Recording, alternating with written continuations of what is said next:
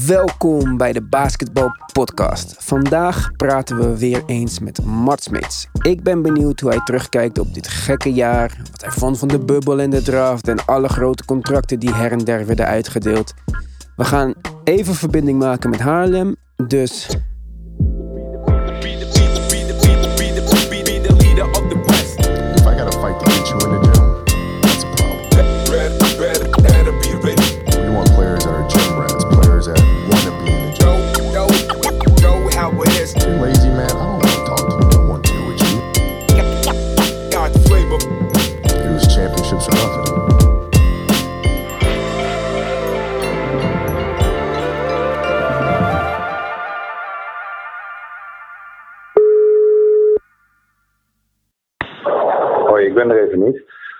Of ik weet niet hoe het ding werkt, dat kan ook. Eh, ik probeer al later terug te bellen. Laat even naam en eh, nummer achter. Dankjewel. dat was een grappige voicemail. Er waren wat kleine technische problemen. Als het goed is, zijn die nu opgelost. Dit werkt nu in ieder geval. Deze werkt. Welkom terug in de basketbalpodcast. Yes. Hoe gaat het met u? Eh, ik ben opgehokt, net zoals ze duiven, eh, geiten en ezels ophokken. Ja, u blijft nog steeds binnen, veilig, ver van het virus. Ja, ja, of het veilig is, weet ik niet. Dat hoop ik alleen maar. Maar ik heb wat, wat mensen meegemaakt die corona hebben gekregen in mijn directe omgeving. Oh, echt? Dus dan, dan, word, je, dan, word, je heel, dan word je heel voorzichtig. Ja, dat kan ik begrijpen. Maar ik weet ook dat u eh, niet houdt van stilzitten. U heeft net Stille dat waar. Sport uitgebracht. Ja, Eh, klopt. Wat houdt u voor de rest bezig?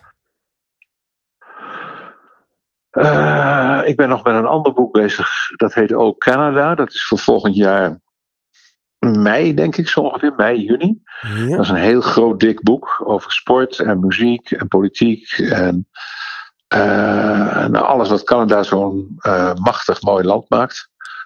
Overigens moeten we straks gaan praten over de thuiswedstrijden van de Toronto Raptors. Die zullen Oké. niet in Toronto plaatsvinden. Ja. Eh, zie je, hebben we meteen een bruggetje geslagen. Maar hoe is het met jou? ja, met mij gaat het goed. Eh, Ja? ja, voor mijn gevoel is het NBA-seizoen nog maar zo kort geleden afgelopen. En het Ja. gaat alweer bijna beginnen, lijkt het ook wel. Ik, Ja. ja. ja, ik geniet van mijn vrije tijd tussendoor. Ik heb net mijn eh, Iberico schouder besteld voor de winter. Dus eh,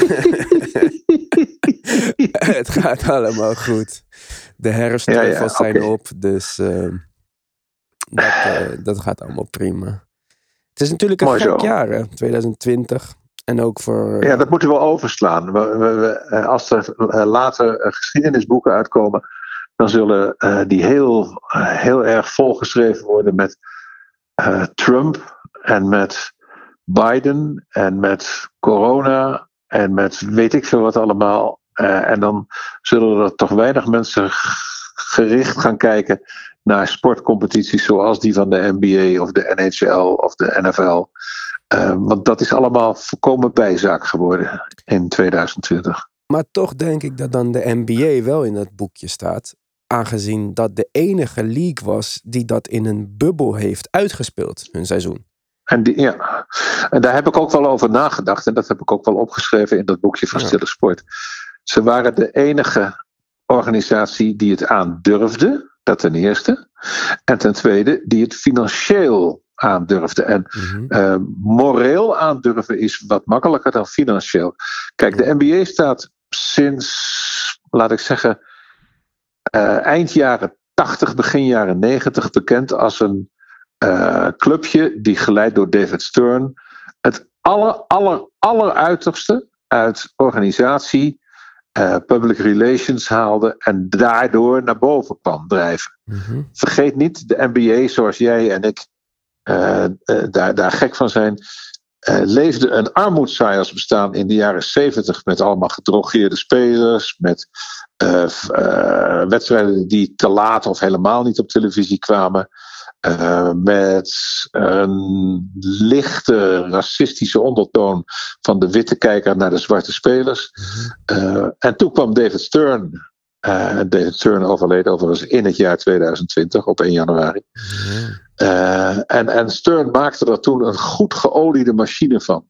Hij, hij kocht allemaal topmensen. En die topmensen die organiseerden. Het gevolg daarvan was Orlando.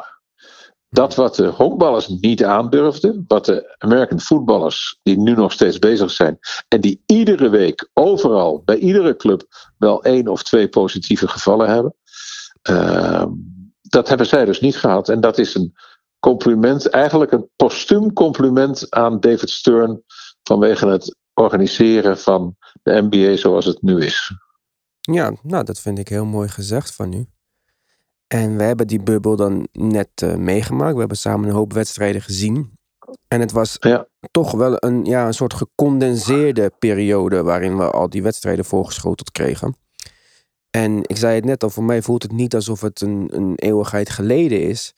Maar ik kan me eigenlijk niet meer echt iets super spectaculairs herinneren. En ik vroeg me dan af of er een wedstrijd is of een gebeurtenis of een moment uit de bubbel wat u echt is bijgebleven? De doorbraak van die twee rookies van Miami. Ah, Tyler Hero en Duncan Robinson. Yes. Nou, dat is eigenlijk yes. wel een heel mooi moment. Zo heb ik er niet eens. Niet, uh... maar weet je wat het merkwaardige ook was, Ivan? Uh, ze deden het nooit samen. Ze deden het steeds om en om. Ja. Als de een goed op schot was, dan had de ander maar acht punten en schoot uh, zoiets van, van, van drie op twaalf. Maar ik heb ze zien schieten op een manier dat ik dacht van... dat kan niet waar zijn, want het zijn rookies. Ja. Maar het was wel waar. En, en ze gingen gewoon hun gang. En ze gooiden de meest merkwaardige ballen erin. Ja, op zich was het uh, natuurlijk sowieso spectaculair... dat de Heat in de finale belandde met mooi basketbal. Maar ja. dan hebben we En net... toen meteen een spelverdeler verloor. Ja, die overigens net een contract heeft getekend voor een, uh, een uh, mooi bedrag. Maar... Ja, daar kan je je hele een land van kopen daar. ik weet het niet. Maar hij heeft een mooi contract gekregen. Alleen ze zijn dus wel Crowder en Derek Jones Jr. kwijtgeraakt. Die zo belangrijk waren ja. in die zone defense. Waarmee de Heat zo ver zijn gekomen. Ja, vind ik toch wel jammer. Nee, maar er zit nog wat anders aan ook. Als je even deze gedachtegolf van mij wilt volgen. Ja. Als zij uh, met die echt goede linkshandige uh, Sloveen waren doorgegaan. Ja. Dan hadden de twee rookies niet zoveel speeltijd gehad. Ja, vooral Tyler Hero, denk ik. Ja, die, ja, die ja dan, was dan was hij. Ja, en dat, en dat scheelde een slok op een borrel. En ik heb overigens genoten van de manier waarop Heroes zijn schoten durfde te nemen. Ik herinner me nog een, een, een, een raindropbal die hij een keer deed. Die ging bijna via het plafond. Zo hoog durfde hij hem te gooien. Maar uh, hij, hij heeft ook van uh, Amerikaanse uh, volgers van de NBA heeft hij alle lof gekregen voor zijn prachtige spel, gedurfde spel speelse spel. Dat was het eigenlijk, het speelse spel van hem. Hij heeft uh, basketbal. Kijk, ik ben geen voorstander van het run-and-gun spel. Hè? Mm -hmm. uh, en soms leek het er wel op. Maar hij heeft basketbal toch wel een vrolijk tintje bezorgd in die finale. En hij was een pain in the ass voor, uh, voor LeBron James. Want die hadden geen idee hoe ze hem af moesten stoppen. Ja, hij speelde een beetje als een, als een puppy. Vrolijk en blij en ja, zonder ja, enkele als je, als je een, ja, als je een jong hondje even buiten laat, dan doet hij hele leuke dingen. Ja. Nou, dat was nou met hem het geval. Precies, maar die Lakers, u noemde ze net al, ze wisten even niet hoe Ja. ze Hero moesten afstoppen. afstoppen.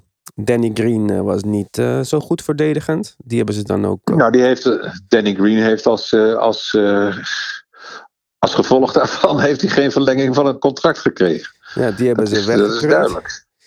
En ze hebben. Weggegooid, werkelijk. Ja, weggegooid. Maar daarvoor, hebben ze, daarvoor terug hebben ze wel Dennis Schreuder gekregen. Die vorig jaar hoog in de Six Man of the Year eh, ranking Ja. terecht kwam. Ze hebben die Dwight Howard en Javel McGee toch niet de twee meest. Ja, hoe moet ik dat netjes zeggen? Opmerkelijke centers. Nee, Ja, ze, ik bedoel, opmerkelijk. ze, waren, ze, ze waren er bij de lay-ups en ze waren er om aan te moedigen. Maar Ja, daar hield het op. En die hebben ze vervangen door Montrezl Harrell, de Six Man of the Year. En Mark Gasol, die overkomt uit Ja, dat, Toronto. dat vind ik. ongelooflijk. Het is wel overigens de tweede Gasol die bij de Lakers uitkomt. Hè? En oorspronkelijk gedraft door de Lakers, maar getraind voor Ja. zijn broer Paul. Maar dus Ja. die hebben ze erbij. Dan hebben ze nog Wesley Matthews getekend. Ze Ja. hebben echt niet stilgezeten. Een kampioenschapsteam, die dus. Ja? op papier al de beste ploeg is van dit jaar. Die gaat zich gewoon op elke positie alsnog versterken. ja, maar dat komt omdat ze op die drie plaatsen, die we net genoemd hebben, Hm? dus die dubbele centers en eh, de small forward van Green, daar waren ze zwak. Dat, was, dat waren hun zwakke punten. Ja, en, En daarom, daarom zijn ze dat gaan doen. En, en, en daarbij kwam ook nog dat ze genoeg centen hadden. ja, maar het is, Dat was wel makkelijk. het is wel knap dat ze gelijk die moves maken. In tegenstelling tot bijvoorbeeld een. ehm, nou ja, ik, ik ben erg teleurgesteld in Denver. Denver heeft een paar duidelijke problemen, bijvoorbeeld wingverdediging. Ik vond dat bijvoorbeeld Paul Millsap het einde van zijn carrière nadert en misschien een van Hij de heeft zwak- één jaar, één jaar nog gekregen. Ja, 10 miljoen. Maar daarvoor hebben ze wel Plumlee en Jeremy Grant en Torrey Craig laten gaan. En dat waren net Ja. de meest atletische verdedigers die ze hadden. En nu blijven ze dus over met alleen Millsap en Jermichael Green die ze daarvoor terug hebben gekregen. Dan zou ik Ja, zeggen, ik snapte het ook niet. nee, je plafond is gewoon verlaagd. Terwijl de kampioen doet er nog een schepje bovenop. Hetzelfde geldt voor de Celtics. We praten al jaren over Danny Ainge, zo'n fantastische GM, verzamelt allemaal assets. Nou, je probleem was een center of een grotere man. En dat ga je oplossen met Tristan Thompson Kardashian. Ja, ik weet niet of dat nou de move is die je moest maken. Als jij het niet weet, dan moet je nog geen conclusie trekken. Nee, we gaan het Dan moet je, dan moet je, ze, even- dan moet je ze eerst de kans geven. Kijk, het aardige van Tristan Thompson is dat hij altijd 11,8 rebounds per wedstrijd pakt. Altijd. Al is hij stom bezopen, dan pakt hij nog die rebounds. En die hebben ze heel erg hard nodig. Ze hebben een man in the middle nodig. De beste man in the middle van Boston was heel soms Kentner. Ja, Kanter. en die Ja? is terug naar Portland. Dat was het. En die hebben ze gewoon weer in de richting van Portland gegooid. Dus ze hebben nu een solide rebounder. En daaromheen hebben ze de mensen die ze nodig hadden. En eerlijk gezegd, eh Hayward hadden ze niet meer nodig. Nee, voor 120 miljoen. Ik weet dat wij vaak eh, achterover geslagen worden van die bedragen. Maar vier jaar, 120 miljoen voor een speler die van de laatste drie seizoenen praktisch niets heeft gespeeld, vind ik nog. Nou, wel dat is heel merkwaardig. Ja, Ik las, ergens, ik las ergens ook een andere soort van kritiek. Dat Michael Jordan nu aan een, aan een blanke speler binnen zijn ploeg meer geld betaalt dan hij zelf ooit verdiend heeft. en meer geld dan dat hij aan Kemba Walker wou geven. En dat was toch een beetje Ja. de homegrown star van die organisatie. Aan de andere kant kun je wel zeggen, wie kunnen de Charlotte Hornets als alternatief aantrekken? Het is geen free agent destination. En ze moeten toch iets van een stabiele omgeving bouwen voor die jonge spelers die ze hebben. En dat is een mooi bruggetje naar mijn volgende vraag. Want we hebben, ja, we hebben de draft natuurlijk net achter de rug. En daar was een eh, jonge man die als derde werd gedraft met een vader die volgens mij, eh, ja, ik denk dat u hem behoorlijk eh, luidruchtig vindt. Dan heb ik het natuurlijk over Lamello en zijn vader, LeVar Ball. Ja? Ik zit er denk ik niet heel ver naast met die aanname over het luidruchtige gedeelte. Dat, ja, maar dat vind ik sowieso vervelend. En dat van die van vader Bol was, was, een, was een, gewoon een etter van een man. En die is ook uitgekotst door de hele NBA in Amerika. Ik weet niet of je nog weet, maar vier jaar geleden. Toen eh, heeft deze man geroepen dat zijn zoon de allerbeste speler van de wereld zou worden. Weet je dat nog? Ja, ja, ja. Weet je nog? En, eh, en ze hebben aangekondigd dat de hele wereld op hun schoenen ging lopen. Weet je dat nog? Ja, dat ging ook niet zo goed. Toen, toen, zijn er, toen zijn er twee broertjes die zijn naar Australië gegaan om daar te spelen. Weet je dat nog? Ja, Tsjechië volgens mij twee en daarna Lamello Oh, naar. Australië. Ja, ja, en daar is ook niks van uitgekomen. Dat, dat zijn geen grootheden geworden. Dus er was een heleboel grootspraak bij die familie. Terwijl als je nou toch ziet wat er verleden jaar in, uh, of verleden seizoen moet ik zeggen, in New Orleans gebeurde. Toen viel hij mij ontzettend mee in zijn spel. Er waren ineens sociale trekjes ingekomen. En zijn jongere broertje, die dus nu gaat spelen, die, uh, die schijnt echt sociaal te kunnen ballen. Hij is een goede playmaker. Je... Dat, uh... Ja, nou, en daar gaat het om. Maar... En, en, en, en of die vader nou een grote bek heeft, ja of nee, dat, dat doet er niks toe. Maar dan zou het u misschien verbazen dat ik een overeenkomst heb gevonden tussen u en LeVar Ball. ja, ik heb erover nagedacht. Nou. Jullie hebben namelijk allebei twee kinderen opgevoed tot professioneel atleet. En nu wil ik van u weten hoeveel credit LeVar Ball verdient voor het grootbrengen van twee zonen die in de top drie van de NBA werden gedraft. Nou moet ik meteen met een tegenhanger komen. en, en Del Curry noemen en zo. Ja. Maar Wat, wat is de rol van een ouder in dat? Ik weet dat u twee kinderen heeft die allebei op, op hoog niveau hebben gesport. Ja. Vindt u dat u daar een aandeel in had? Vindt u dat een ouder. Nee, helemaal niet, want ik heb ze totaal vrijgelaten. En dus- daarom hebben ze ook honkbal en softbal gekozen. Dus ook LeVar Ball is niet de, een, een grote factor per definitie in, uh, in het succes van zijn Nou, hij is. Uh, ja, hij is wel een grote factor, omdat hij door uh, de manier waarop hij lawaai maakte de afgelopen jaren, mm-hmm. de wereld heeft gewezen op het feit dat die zoons bestonden. En er is een deel van de Amerikaanse sportpers is daarin meegegaan. En die, hebben, die, die zijn hem naar de mond gaan praten. Mhm. en, en die hebben geroepen van, oh, wat, wat, wat is hij toch goed? En wat, wat, wat zijn de jongens in Europa goed? Speelden ze niet op enige moment in, in, in Litouwen of zo? In een of ander ja, ja, Litouwen ontzettend klein liedje. Ja, ja. En, en, maar dat lukte ze ook niet. Want dan, dan maakte de een 16 en de ander 14 punten. En dan denk ik, ja, oké. Ja. Uh, maar die vader heeft wel door dat lawaai aandacht voor de naam Bol gegeven. Nou, laten we hopen dat deze jongen uh, het, het in zich heeft om nederig te beginnen.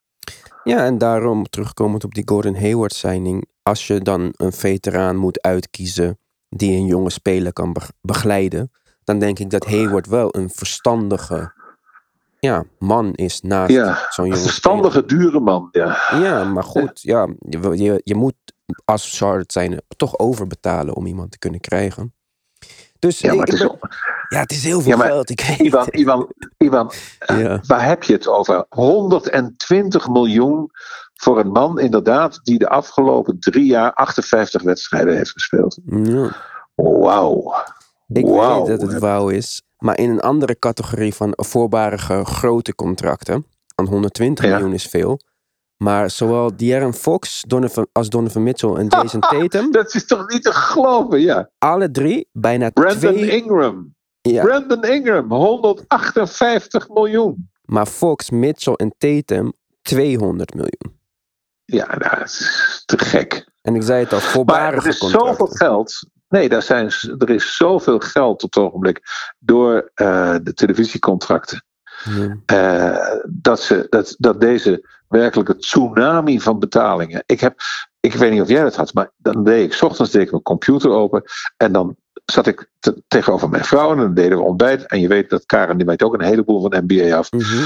En dan zei ze, wat, die, die voor hoeveel? 137 miljoen? En als nu gewoon een Nederlandse keurige mevrouw mijn vrouw, zich daar al over verbaast. Hoe moet dat dan met de basketbalgekken uh, in Amerika gaan? Ik heb wel naar uh, Amerikaanse uh, dingen geluisterd. Nou, nou, iedereen zegt van dit kan niet waar zijn, dit moet stoppen. Ja, Ze geven zoveel geld uit. Ik vind het ook veel. En vooral voor de potentie. Kijk, ik snap in theorie als LeBron James 200 miljoen krijgt, of Kevin Durant, of iemand in die tier van ja, succesvolle spelers. Maar Fox, Mitchell en Tatum moeten dat bedrag. Dat is alleen betaald voor de mogelijke dingen die ze kunnen gaan doen. En dat vind ik dan wel een hele ja, grote gok. Ja, maar de aanwijzing, maar Iwan, de aanwijzing is er natuurlijk wel dat Tatum en Mitchell, mhm. die hebben dat in zich. Fox in mijn optiek nog niet, maar ik geef meteen toe dat ik hem te weinig gezien heb. Ik heb hem te weinig onder druk zien spelen. Nou, dat Eh, gaat dat u ook is- niet zien de komende jaren. Want de Sacramento Kings gaan denk ik niet per se eh, snel in een situatie komen waarin hij zich kan bewijzen als we kijken naar het nieuwe. Oh nee, maar ik heb ook, ik heb ook wel eens eh, grappend gezegd dat je de Sacramento Kings moeiteloos in Nederland in de NBB-eredivisie kunt laten spelen. En dan moeten ze nog hun best doen om de finals te halen. Ja, dat zou zeker kunnen. Maar van die twee spelers, hè, Donovan Mitchell en Jason Tatum. Ja? Als u een van die twee moest kiezen om een team omheen te bouwen, wie zou dat dan worden? Zal ik eerst hardop gaan denken voordat ik meteen een antwoord geef? Prima. Bij wie zal ik beginnen? Tatum. Tatum, Tatum. Is, Tatum is een van God gegeven speler. Ja. En soms valt hij uit wedstrijden weg op een manier die mij beangstigt. Dat iemand zo ver kan wegvallen. Ja. Blijven schieten, blijven missen. ja. En ik denk dat hij, zal ik wat gek zeggen? Ik denk dat hij te goed opgevoed is ja. om een mean guy te zijn. Ik denk dat daarin ook het verschil ligt met Donovan Mitchell. Maar ik laat u eerst uw Donovan Mitchell Ja, ja, oké. En Donovan Mitchell heeft één voordeel. Dat is dat hij atletisch alles kan. Maar dan ook echt alles. Hoe groot is Donovan Mitchell? 6'1, 6'2 denk ik, 6'3. Ja, weet je- Ja, nou, 1,90, 6'2. 1,95 denk ik. Ja. 1, nee, nee, 1,95 gaat hij niet. Hij is net onder de 1,90. En hij kan echt in de ring kijken hè, als hij springt. Dus fysiek is hij subliem. Ja. Echt subliem. Hij kan van richting veranderen. Hij heeft de zogenaamde eh, Julius Irving beweging. Van ik ga de lucht in en dan zet ik remraketten aan. En dan ga ik toch nog in de lucht de andere kant op. Mhm. Dat heeft hij ook. Ehm, hij heeft eh, een iets wat te grote eigendunk, nu al, denk ik. En dat Mhm. kon je heel goed zien in het eh, woordenduel dat hij met Rudy Gobert had. Mhm. En dat een hele nare afloop kende. Ehm, dus ze hebben alle mogelijke moeite moeten doen in, eh, in Utah om die twee weer, zeg maar, on speaking terms te krijgen. En nu moeten ze ze nog on, on playing terms krijgen. Dus ze moeten nu eh, kunnen voorzien dat eh, Mitchell de bal naar Gobert gaat spelen. En dat zal hij niet vaak doen, want hij is nogal selfish. Ja. Eh, hij weet inmiddels dat hij een van de top guards in de NBA is. Hij weet dat hij graag showt. En ik denk dat hij soms wel eens in iets te grote schoenen loopt. Maar moet hij niet ook die schoenen aantrekken door het gebrek aan andere mensen die iets van Ja, playmaking... maar dat moet hij niet doen. Ja, dat moet hij niet doen. Dat, dat, dat moet zijn coach doen. En dat moet eh, de directie van Utah doen. Die moeten daar iemand neerzetten Mhm. met wie hij op de eh 1 en 2 positie goed kan spelen. Maar die 2 positie is eigenlijk nooit zo goed ingevuld. Vroeger hadden ze Stockton en dan was je klaar. En nu is het Mitchell en dan zijn ze ook klaar. Ja, Dus alles wat daarnaast speelt. Wat zeg je? Ja, maar Con- wat, wat, kijk, Conley is dus totaal overgewaardeerd, overpaid, over alles. Conley was het gevolg van een speler die bij Memphis eh, een, eh, aanklopte. En daar zeiden ze van: Oh, we hebben hier nog een zak geld klaarstaan. Er zit 80 miljoen. Wil jij dat? Nog meer. Sorry. 150 volgens mij toen. Ja, weet ik veel. Het was bizar. En voor wat? Dat was bizar. Dat was dus een, een giga miskoop. A van Memphis, B van Utah. Ja. Je moet daar, je moet daar een hele rustige, Burks-achtige speler neerzetten. Die weinig fouten maakt, die goed kan verdedigen. eh, die goede screens op de kop van de bucket zet voor de, voor de nummer 1 guard. En dan kom je een verder. Denk ik met mijn simpele gedachte over basketbal. Ja, daar zou je best wel eens gelijk in kon- kunnen hebben. Maar zoals u ook al zei over Jason Tatum, godgegeven talent. En misschien af en toe wegvallend. Ik vind dat bij Mitchell wel minder. Ik vind dat Mitchell meer Ja. die killer in zich heeft. Wat misschien Tatum Ja, maar nooit... hij, die kan er. ja, wat Ja, misschien ik ben het met je eens. Ja, Weet je, ik, ik zal, ik, ik zal een, eh, een eh, klein verhaaltje eromheen vertellen. Vertel. Ik had het ooit ik had het ooit met de wielerploegleider Jan Raas over waarom de ene renner wel en de andere renner niet goed was. En toen zei Raas tegen mij, en hij bedoelde dat niet slecht. Hmm. Hij, hij, hij zei: Als topsporter moet je een beetje klootzak zijn. Ja, dog. Ja. En dat is, dat is waar. Ja. Dat is waar. Je moet, een beetje, je moet een beetje selfish zijn. Je moet een beetje gemeen zijn. Je moet een beetje. Gewoon een klootzakje. We hebben allemaal wel met klootzakjes in de klas gezeten. Maar dat waren over het algemeen wel mensen die iets goed konden. Die waren Ja. of atletisch goed, of die konden goed leren, of die konden goed schaken. Of weet ik veel wat. Maar, eh, en dat, Mitchell heeft dat. Ja. En Tatum heeft dat dus niet.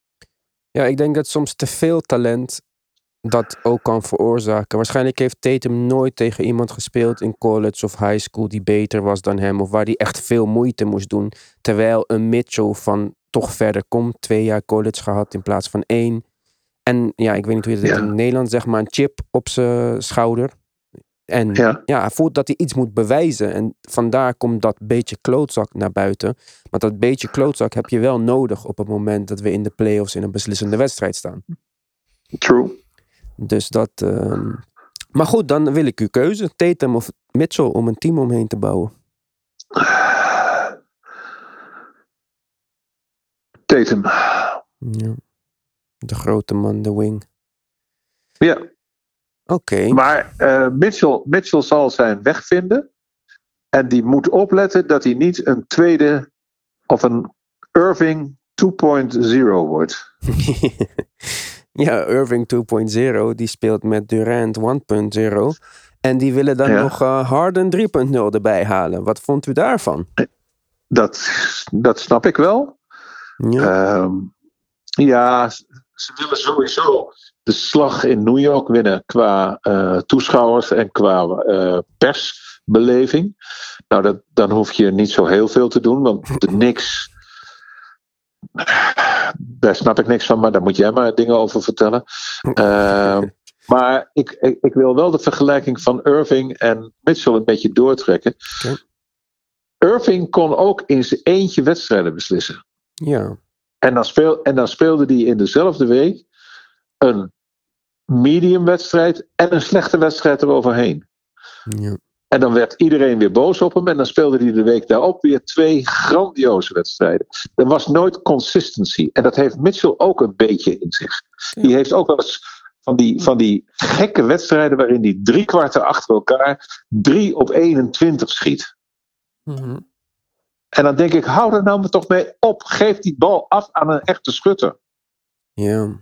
Je moet, je, als, je, als je wedstrijden van Utah eh, terug wil halen in je herinnering, dan moet je eens opletten hoe die eh, gekke Australiër, die linkshandige Australiër, komt, hoe heet die? eh, Ingles. Ingles, Joe Ingles, hoe die naar Mitchell keek. Zoiets van, what the fuck are you doing? Zoiets van, hey, joh, we zijn hier aan het basketballen. En basketbal is een spelletje van 5 tegen 5. En het is geen spelletje van 1 tegen 9. Ja. ja. Ik, ik vraag me dan af in hoeverre dat coaching is en in hoeverre dat eh, een spelersbeslissing is.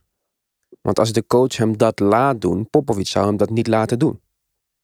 Toch? Eh, nee, maar Popovic zou ook nooit een dergelijke speler eh, een Nee. contract aanbieden, denk ik. Nee, Popovic biedt Die- niemand contract aan, want de Spurs hebben weer voor het twintigste jaar op rij geen free agent signing gedaan. Maar Nee. wel iedereen verlengd voor een hoop geld.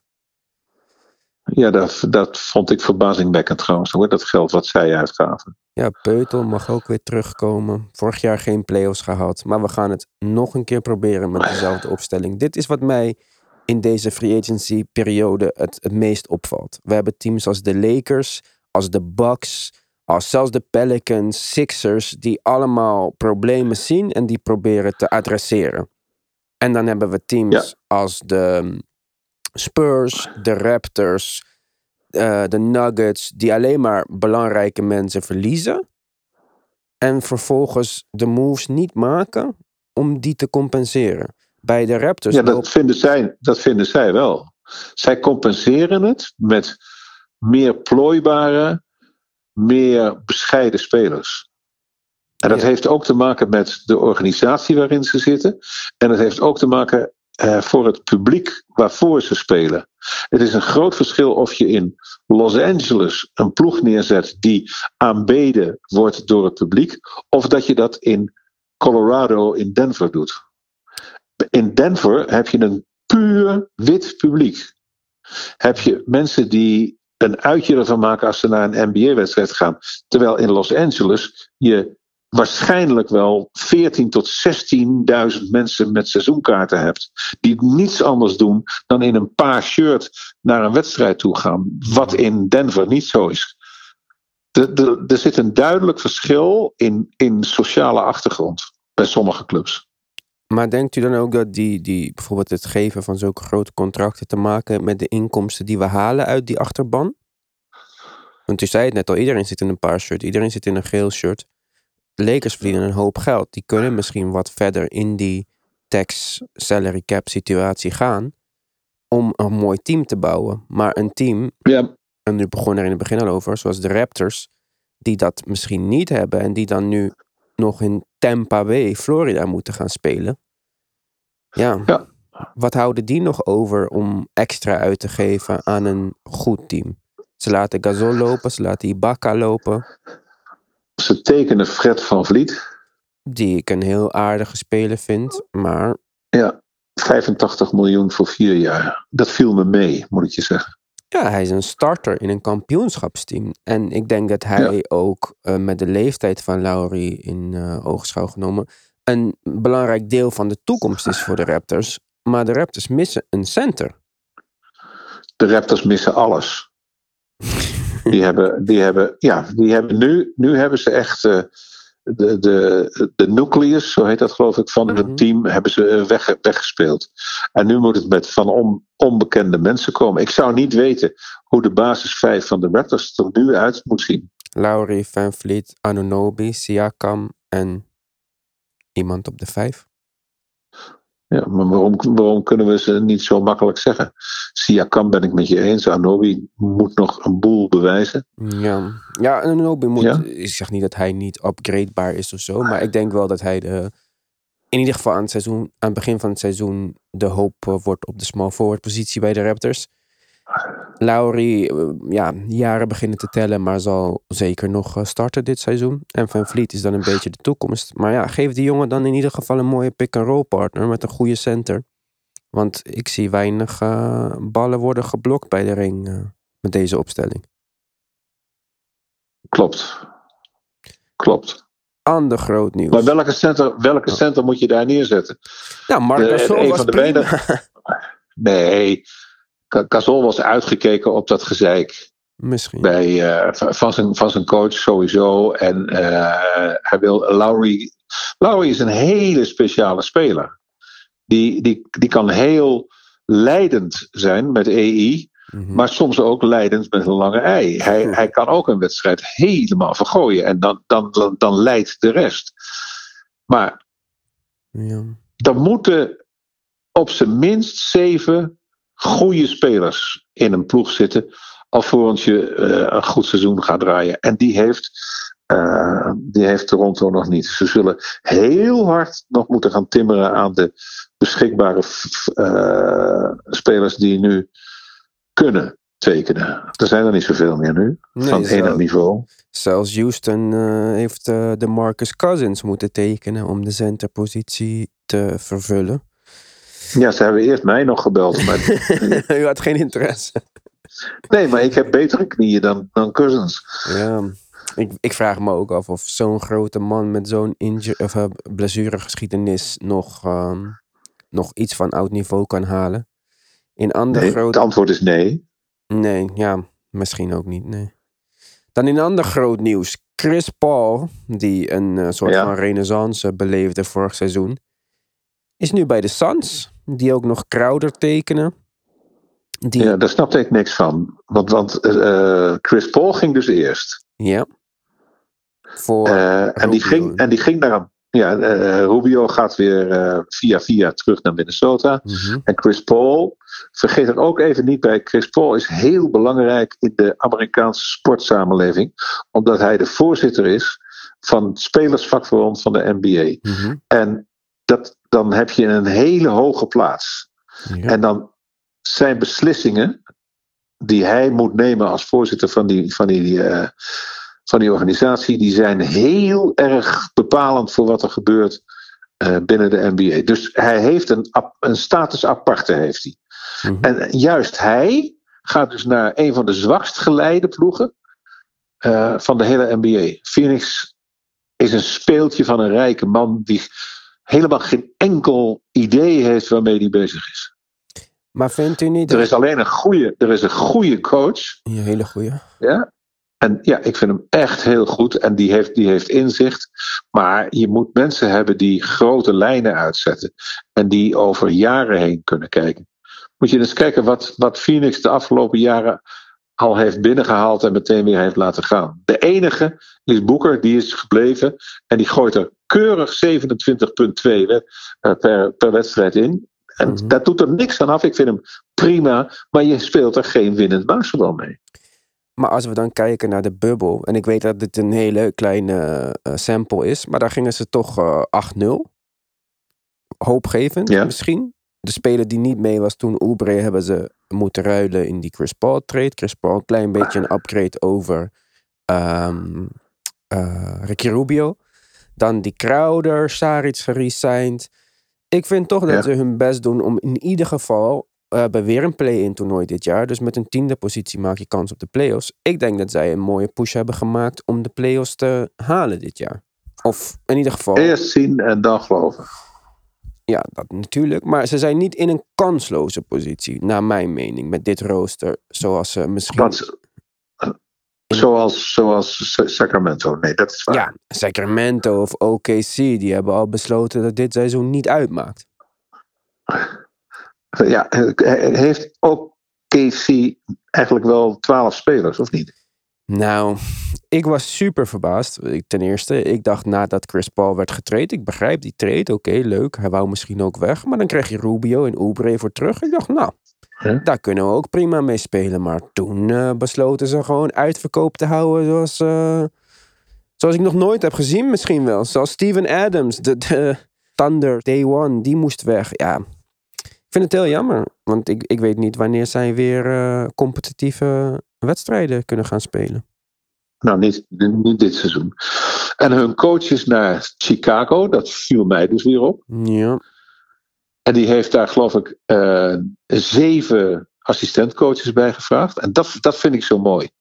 Ja. Eh, mooi tussen aanhalingstekens. Op het moment dat een coach naar een nieuwe ploeg gaat. en hij neemt meer dan drie assistentcoaches mee. ja. dan moet er een lampje gaan branden. Want dan is hij niet capabel, denkt u? Of? Nee, dan dekt hij zich in. Ja. De een heeft hij voor, de een heeft hij voor verdedigen. De andere heeft hij voor eh, physical eh, training. De andere heeft hij voor eh, de tegenstanders te scouten. De andere heeft hij voor films. En nog een ander heeft hij voor de, de driehoekse aanval goed te begeleiden. En dat heeft hij dus gedaan. Je moet eens kijken naar die, het aantal assistentcoaches dat, dat Billy heeft meegenomen. Dat is ongelooflijk. Het is een waterpolo-team. Ja, maar het viel mij sowieso op dat dit jaar assistentcoaches eh, ja, op een andere manier werden aangetrokken.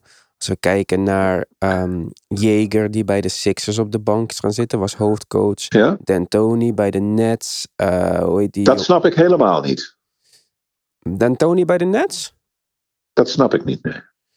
Mm, Ja, connectie met eh, Steve Nash. Misschien maakt dit logisch. Misschien had hij geen zin om hoofdcoach te worden van een kansloos team. Ik weet het ook niet. Hij is ook al wat op leeftijd. Misschien houdt hij gewoon van basketbal en wil hij ja, zijn oude. Of, of, hij- of, ze- of zijn huwelijk is niet goed. Ja, Dat wordt, dat wordt, dat wordt altijd als grap gezegd. Hè. Bij, eh, ja, ja, als je nou zo lang al mee hebt gedraaid, je hebt het allemaal al gezien, dan, dan, dan, ja, dan ga je dus op de, op de tweede stoel van de bank zitten. ja. Als begeleider dan- van. eh, Ja, als begeleider van de hoofdcoach. ja. Dat doe je. Dat is, dat, is het, dat is in feite waar het op neerkomt. En dat vind ik. Ja, oké, het zal. Het, het, het kan. Maar eh, hij heeft niet zo'n goede naam in de NBA als wij misschien denken. Nee, denkt u dat? Nee, dat- nee, dat weet ik. Dat zijn spelers die echt die hem uitgekost hebben. Nou, misschien was er daarom niet een hoofdcoachpositie voor hem eh, beschikbaar. Ja. Maar goed, dat, dat moeten we nog. Dat gaan we ook zien hoe dat eh, gaat aflopen. En waar is, die, waar is de vorige coach van de Nets ook weer heen gegaan? Assistent nu van assistent. ja, Lou bij de Clippers. Eh, Kenny Atkinson is assistent van. Ja. maar Kan je ook je een hele voorstellen dat- coach. Ja, dat vond ik een goede coach. Maar kan je je voorstellen dat hij nog gewoon in de Amsterdamse Apollo-hal heeft gedribbeld? Ja, Kenny dat heeft u eh, mij verteld. Dat wist ik niet, nee. Ja, ja. En dat was geen opvallende speler toen hij hier eh, was. Iemand die gewoon 14 punten maakte en, en, en, en 7 rebounds. Hm. En dat was zijn werk toen. Ja, dat zijn soms van die dingen dat je denkt van... hé, hey, hoe kan dat? Ja, het is wel grappig, maar hij heeft ook gecoacht in Europa. En ik denk toch dat zo'n internationale ervaring een soort van extra laag op jou. True. Ja, Zeker. dus dat vind ik wel mooi. Goed, het was een hele drukke periode. Heeft u nog iets waarvan u zegt, nou, dat kunnen we absoluut niet voorbij laten gaan voordat we gaan ophangen? Ehm, waarom lukt het maar niet om Rajon Rondo twee jaar achter elkaar goed te laten spelen ergens? Waarom is die weer weg? Ja, ik weet, dat weet ik ook niet. Ik vond, hij was heel belangrijk bij de Lakers vorig jaar. Ik had, Hij was heel belangrijk. Zeker in de finale wedstrijden.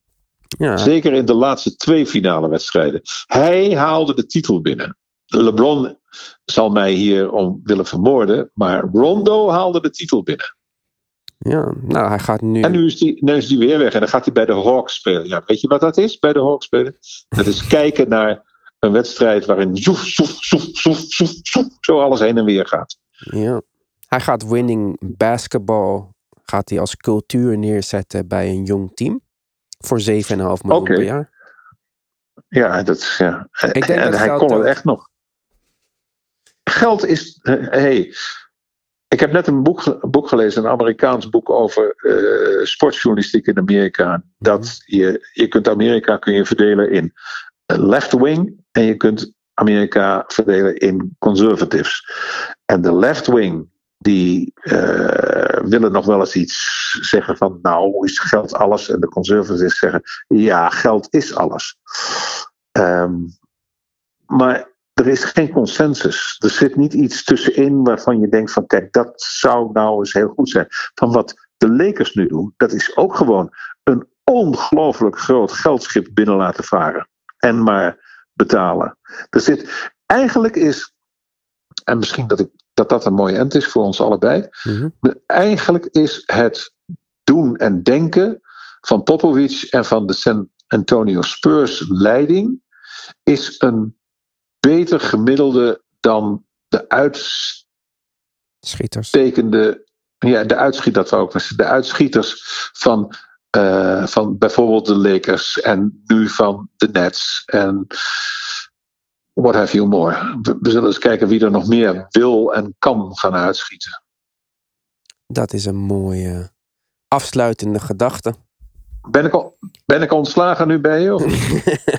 u bent niet ontslagen. Ik geef u lunchpauze.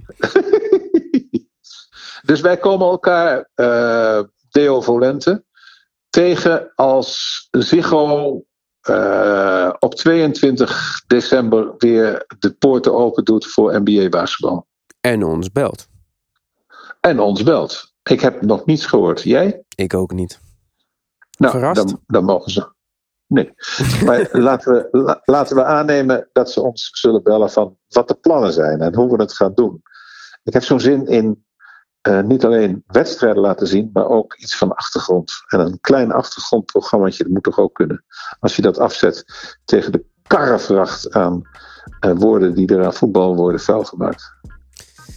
Dus dat zou Zo. mooi zijn. Maar anders Ja, doen wij dat gewoon lekker op ons eigen houtje. En dan maken wij gewoon... op jouw podcast. Precies. Op jouw podcast. Ik ben, ik ben buitengewoon eh, eh, eervol dat, dat jij mij voor, daarvoor vraagt. Dankjewel, Ivan. Uh, eh, en het ga je goed. En tot de volgende keer. Ik dank u voor uw tijd. Tot de volgende keer. Hoi.